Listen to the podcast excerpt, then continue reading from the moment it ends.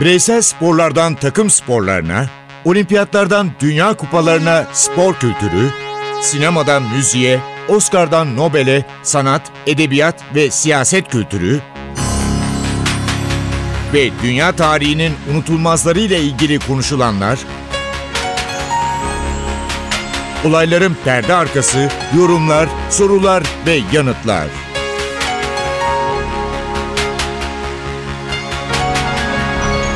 Ercan Taner ve Mert Aydın'la Ateş Arabaları başlıyor.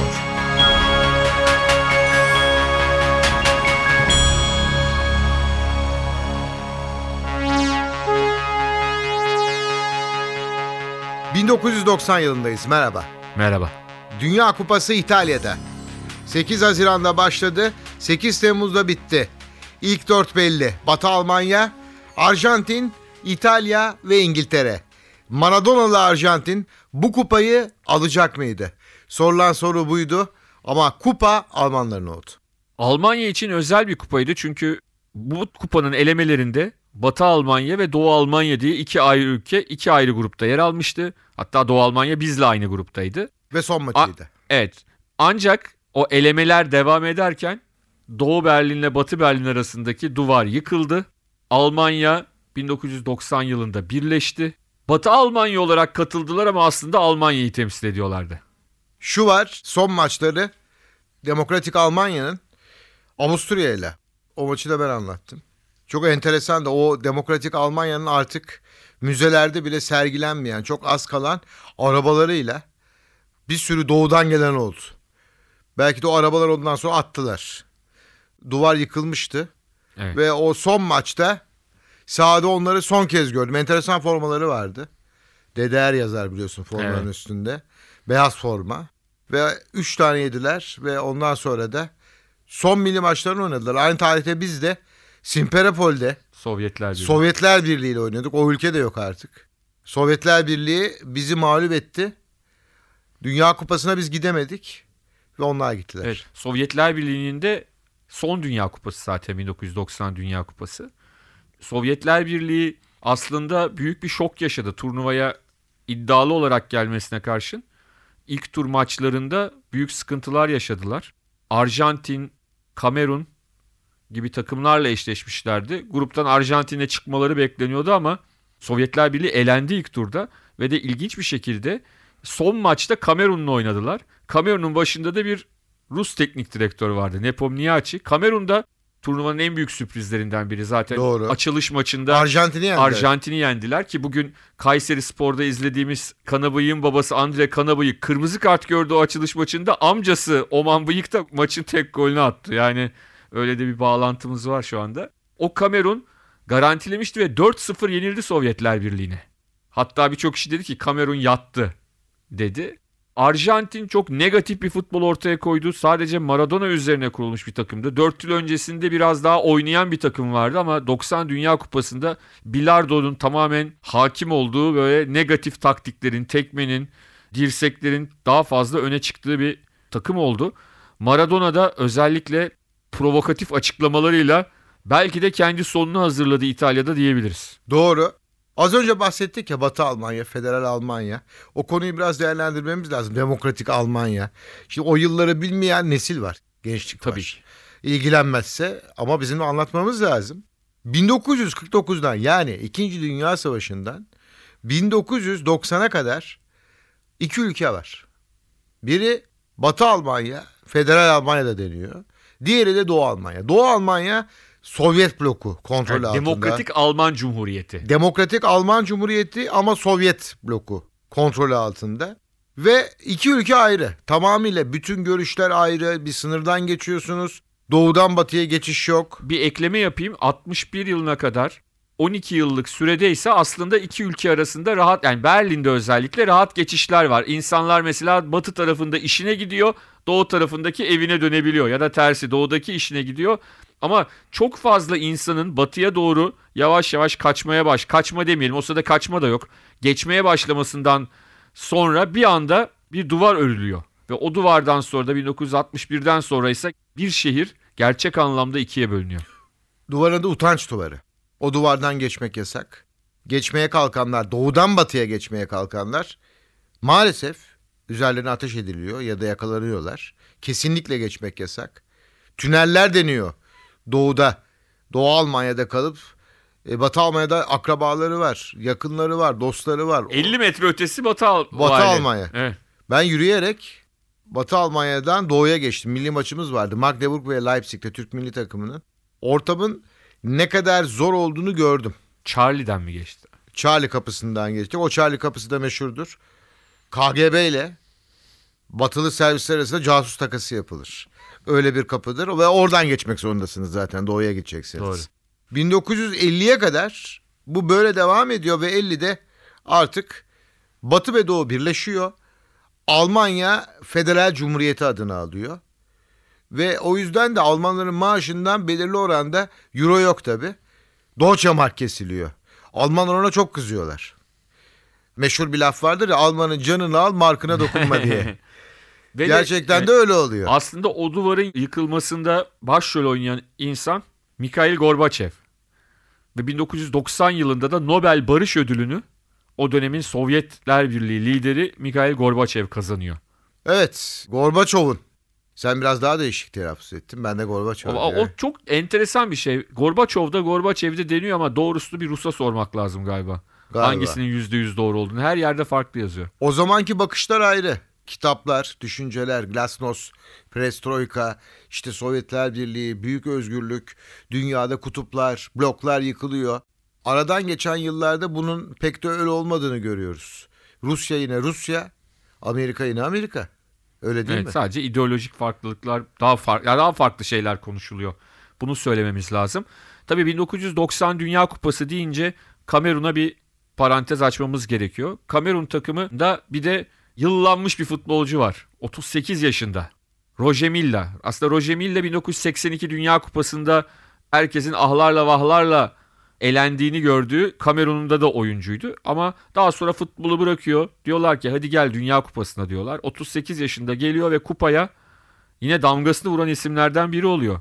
Kamerun milli takımının bir üst tura çıkmasında başrol oynuyor ve ikinci turda Kolombiya ile Kamerun'un karşılaşmasında da yine başrolü üstleniyor.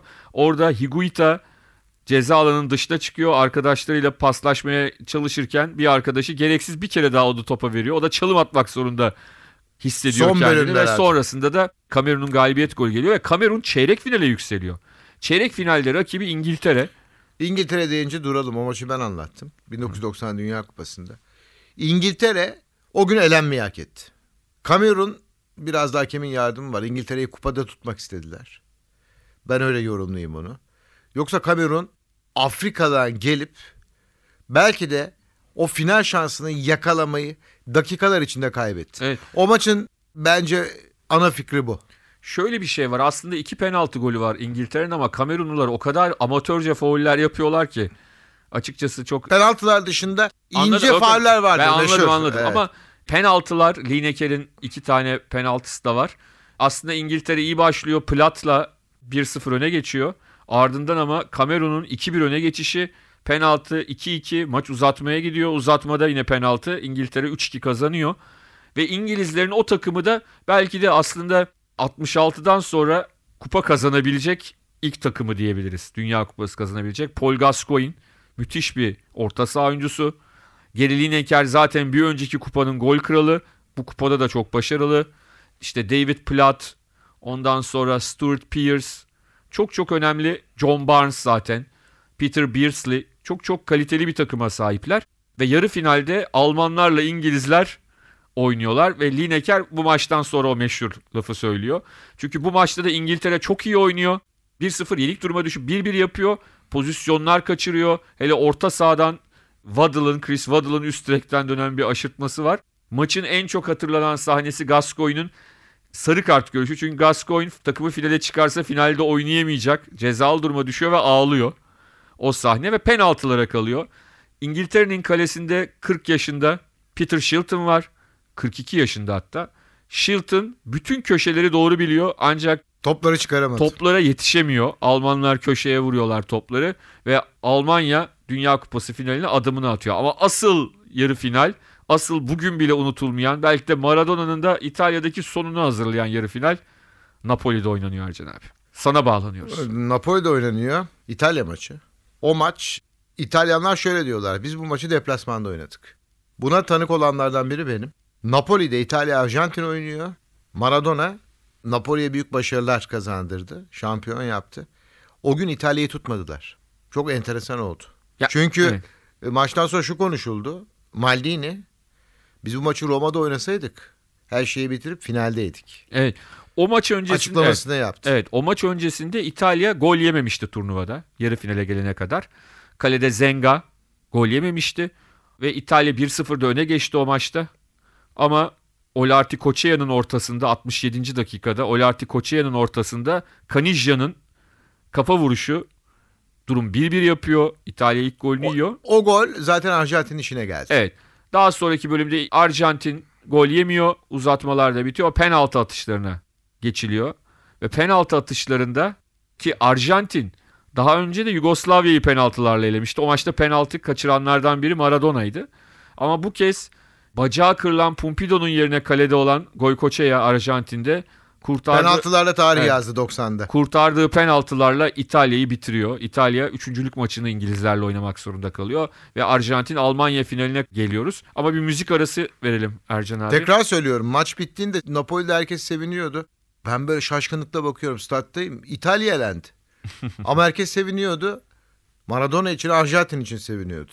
Öyle bir hikayesi vardır o maç. Ama Maradona da birkaç ay sonra bir anda o güne kadar hep kullandığı ama hiç bulunmayan uyuşturucu madde bir anda kanında bulundu. İtalya'dan gönderdiler ilginç bir şekilde. Anında. İtalya'da böylece intikamını almış oldu. Evet.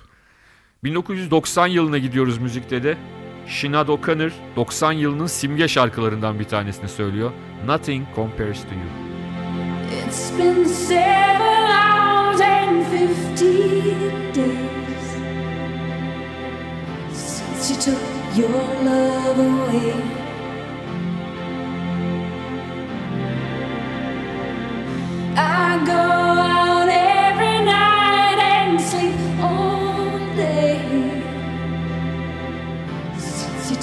Your love away.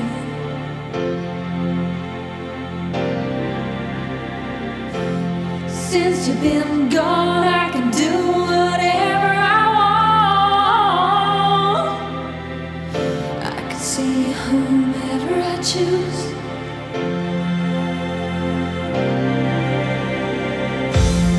in my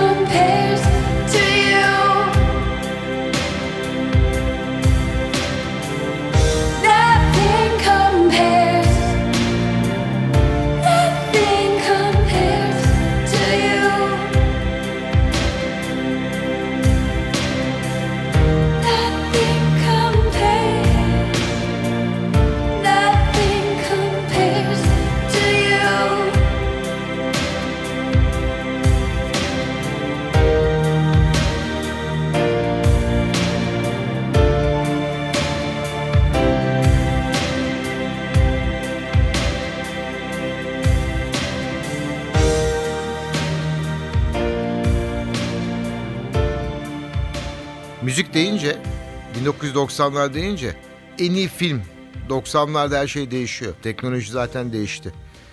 1980'lere girdiğimizde bundan bahsediyorduk.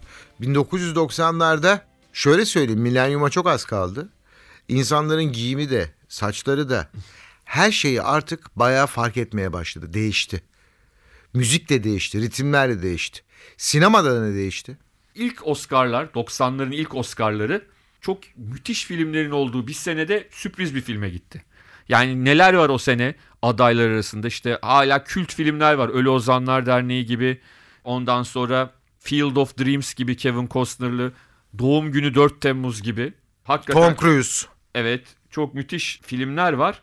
Ancak sürpriz bir filme Driving Miss Daisy, Miss Daisy'nin şoförü filmine gidiyor ki o filmde belli bir yaşa gelmiş ama hep arka planda kalmış büyük bir aktörü Hollywood'a kazandırıyor Morgan Freeman'ı şoför rolünde. O filmdeki rolüyle ta Hiç Kokun Kuşlar filminde oynayan ama işte çok yaşlı tecrübeli Jessica Tandy'ye en iyi kadın oyuncu Oscar'ını da getiriyor. Ve Miss Daisy'nin şoförü de en iyi film Oscar'ını alıyor. E, Jessica Tandy en iyi kadın oyuncuyu alırken Sol Ayağım filmiyle, My Left Foot filmiyle Daniel Day-Lewis en iyi erkek oyuncu Oscar'ını kazanıyor. Day-Lewis yıllar başlar. Evet Fuat abi buna pek şey yapmaz. Ne derler? Yani Daniel Day-Lewis'in daha iyi filmleri vardır. Orada işte o taklidi engelli bir rolünü işte başkaları da yapabilir diye hep söyler. En iyi yardımcı erkek oyuncu genç bir siyahi aktöre gidiyor. O da hani yıllar dedik ya Denzel Washington. Amerika İç Savaşı'nda geçen Glory filmiyle en iyi yardımcı erkek oyuncu Oscar'ını alıyor. Şimdi Morgan Freeman ekolü, Denzel Washington ekolü. Hepsi burada. Ee, Lewis'i zaten biliyoruz. Evet. Ve 90'ların başıdır bu. Evet en iyi yardımcı kadın oyuncu da Sol Ayağım filminde Louis Day-Lewis'in annesi rolünde oynayan Brenda Frickera gidiyor. Ama en iyi yabancı film de yine efsane bir filme gidiyor. Giuseppe Tornatore'nin yönettiği Cinema Paradiso. Cennet sineması. Hakikaten izlemeyen varsa mutlaka bulsun. Tavsiye izlesin. ederiz. Yani bu kadar duygusal, bu kadar yani filmden sonra yüzünüzde bir gülümsemeyle, hoş bir gülümsemeyle filmi bitireceğinize garantisi var. En iyi yönetmense Oliver Stone. Doğum günü 4 Temmuz filmiyle. O filmin çok daha fazla Oscar alması lazım. Amerika'yı Vietnam üzerinden çok iyi eleştiren en iyi filmlerden biridir. Tom Cruise mükemmel oynamıştır. Ve uzun yıllarda bir soğukluk olmuştur. Akademi ile Tom Cruise arasında. evet. En iyi orijinal senaryo yani bir romandan bir kitaptan esinlenmeyen senaryoda Ölü Ozanlar Derneği filmine gitmiştir ki Ölü Ozanlar Derneği de toprağı bol olsun Robin Williams'ın başrolünü oynadı. Hakikaten yine hani bugüne kadar seyretmeyen varsa çok şey kaçırdı diyebileceğimiz Yani filmlerden yine bir filmlerden birinden bahsediyoruz. Doğru. 90'lar böyleydi. Şöyle Ölü Ozanlar Derneği ile ilgili şöyle bir şey var. Birileri diyebilir ki ya onun romanı var. Var ama filmden sonra yazılmış bir roman o. Yani genelde romandan filme çekilir. O filmden romana dönüştürülmüş. Mutlaka tavsiye ediyoruz seyretmeyenler için. Evet Ölü Ozanlar Derneği ki o filmdeki genç oyuncuların bir kısmı da çok ünlü oldu. Ethan Hawke çok ünlü bir aktör oldu yine. Başka bir tanesi yine House dizisindeki House'un en yakın arkadaşı rolündeki oyuncu oldu. Yani çok enteresan isimler var o filmde gençleri oynayan ve belli noktalara gelen isimler var. Televizyon, bilgisayar, telefonlar her şey 90'larda bambaşka oldu. Milenyuma ben geliyorum dedi sanki 90'lar. Evet, evet. 90'ların başı. 90'ların başında o zaman 80'lerden 90'lara terfi eden, bugün hala devam eden bir şarkıcıyla o zaman devam edelim. Madonna'yla Walk.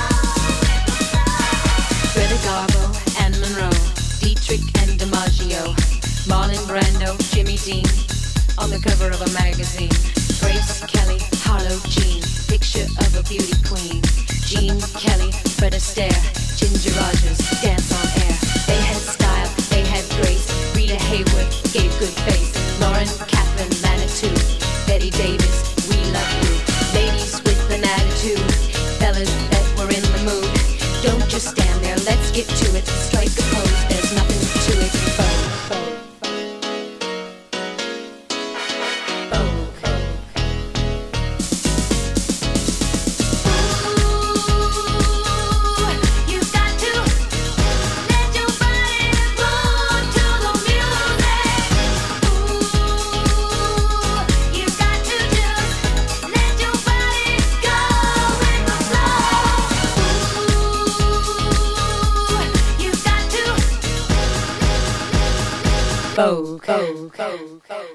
90'larda tabii ki silahlanma insanların en büyük tehlikelerinden biri olarak ortaya çıktı.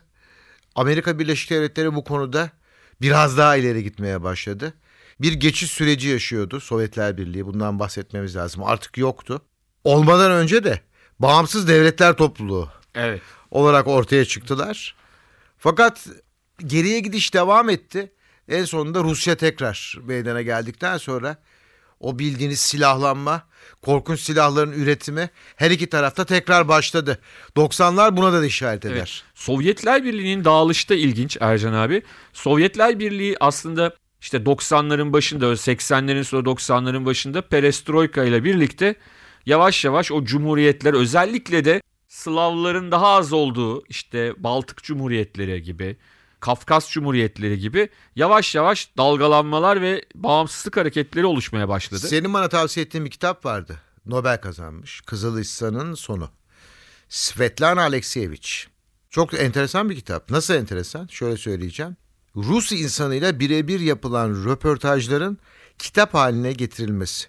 Az önce Mert söylüyor Sovyetler Birliği'nin çökmesi diye. İnsanlar diyorlar ki röportajlarda. O kitap da çok önemli gerçekten. Bir anda diyorlar emekli paramızla biz her şeyi yaparken bu çöküşten sonra ekmek ve un almakta bile un diyorum ya ekmeği bırak un almakta bile zorlandık emekli paramızla. Arada bir anda 25 yıl oldu diyorlar 30 yıl oldu diyorlar. Bir gün 30 yıl demekti diyorlar. Ya çöküş onu gösteriyor Sovyetler Birliği'nde. Zaten işte Baltık Cumhuriyetleri hemen ayrıldılar. İşte Azerbaycan'da birçok ülkede de birçok cumhuriyette de ayaklanmalar oldu. Hatta o dönemde bence bu durumu en ilk görenlerden biridir rahmetli Mehmet Ali Birant. 32. günde o dönemin Dışişleri Bakanı Mesut Yılmaz'la bir röportaj yapıyordu. Dedi ki Sayın Mesut Yılmaz dedi sizce Sovyetler Birliği dağılır mı dedi. Ya bu çok cesur bir soru çünkü yani kim ayrılırsa ayrılsın Sovyetler Birliği'nin dağılması 90 yılı falan yani bu dediğim röportaj 90 yılı yazında zannediyorum ki yapılmıştı. Ama dağıldı. Mesut Yılmaz dedi ki ya Sayın Birant dedi koskoca Sovyetler Birliği yıkılır mı öyle dedi ama bir sene sonra yıkılıverdi. Sovyetler Hiç Birliği kimsenin dağıldı. beklemediği bir konuydu. Evet yani o yüzden hani Tam bir çöküş oldu. içini bilen insanların da aslında bir şeyler hissettiğini çünkü rahmetli Birant da Sovyetler Birliği Moskova'ya çok sokaktaki insana da hakim olduğu için orada bir takım istihbaratları vardı tahmin ediyorum ki çok acayip Gördükleri vardı bence. Evet. çok acayip bir durum olmuştu. Hatta yani bir süre ya o zaman şimdi hani Batı bloğu NATO hani düşman kim şimdi? Kimse kalmadı. Hani orası Batı yıkılacak. bloğu inanamadı zaten. Yok canım olmamıştır falan dendi. Ve tabii bu arada Batı bloğu falan dedik. Dünya Kupası'nda unutmayalım. Gol kralı da Toto Schillaci. Salvatore. Salvatore ya da Toto. Evet. Schillaci aslında ilk milli maçında Dünya Kupası'ndan bir buçuk ay önce oynayan bir oyuncuydu. Çok parlak bilinen bir oyuncu değildi. Ama Dünya Kupası'nda genç bir oyuncuyla Fiorentina'dan Juventus'a o yaz istemeden giden Roberto Baggio ile oyuna sonradan girip birçok maçı kurtarmayı başardı ve turnuvanın da gol krallığını elde etti 6 golle Toto Schillaci. Sonraki kariyeri de çok iyi olmadı. Juventus'tan sonra Inter'de de oynadı. Çok parlak geçirmedi. Dünya Kupası onun için zirve oldu Salvatore Schillaci ya da Toto Schillaci için. Ve adı da altın harflerle 90 Dünya Kupası'na geçmiştir. En çok hatırlanacak oyuncudur. Doğru, doğru. İsmi de Toto'da çok nasıl diyeyim kolay akılda kalan bir isim. E, o zaman biz de Roxette'den dinliyoruz. It Must Have Been Love.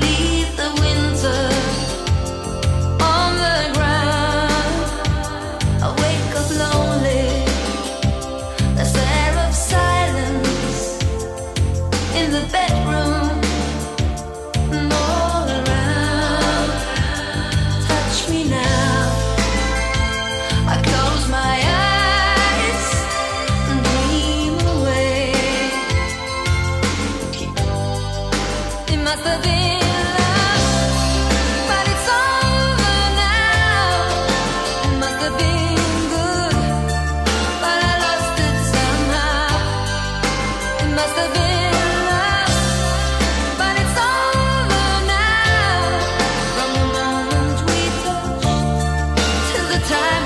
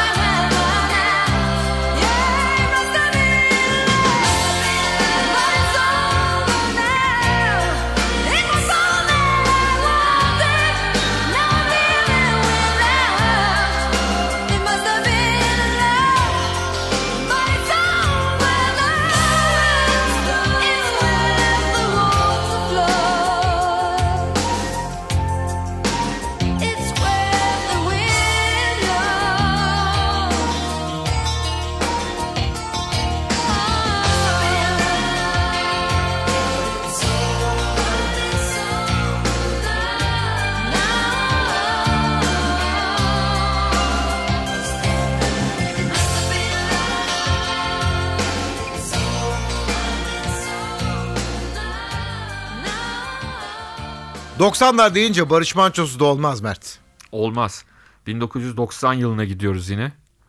Barış Manço'dan dinleyerek programımıza son Artık noktayı koyuyoruz. 90'ları bitireceğiz. Ya 90 Dünya Kupası'nı bitireceğiz. 94'e geçeceğiz. Barış Manço'dan dinliyoruz Kara Sevda. Hoşçakalın. Hoşçakalın.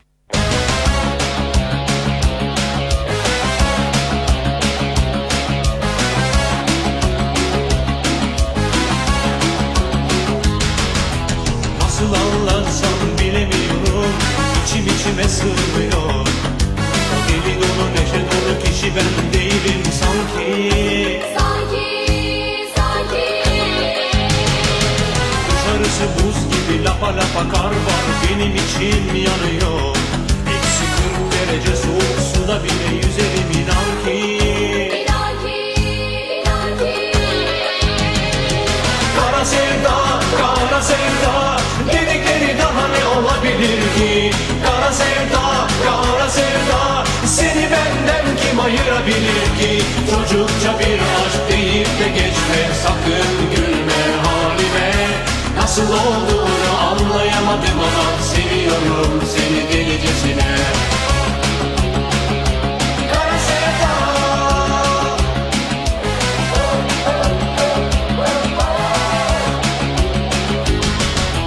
Nasıl anlatsam bilemiyorum Gözlerim kararıyor.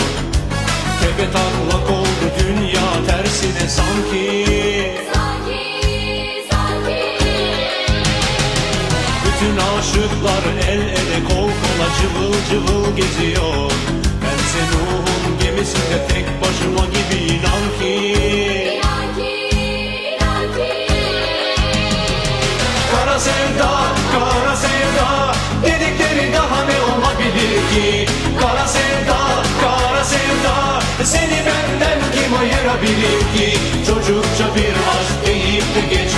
Sakın gülme halime Nasıl olduğunu anlayamadım ama Seviyorum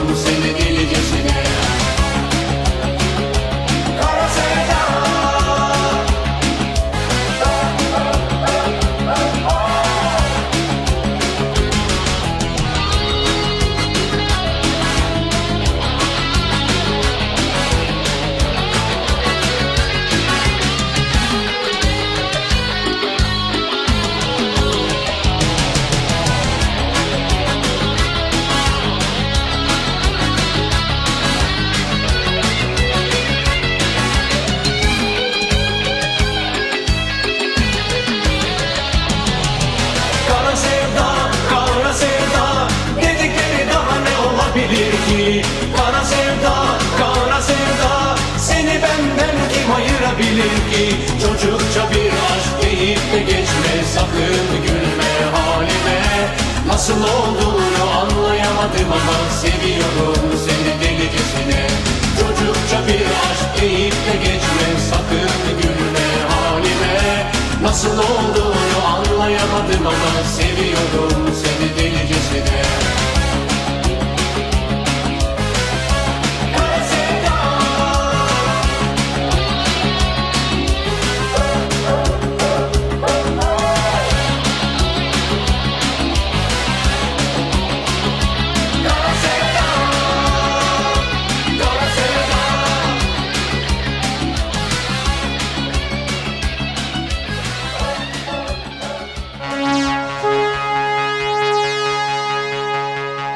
Ercan Taner ve Mert Aydın'la Ateş Arabaları.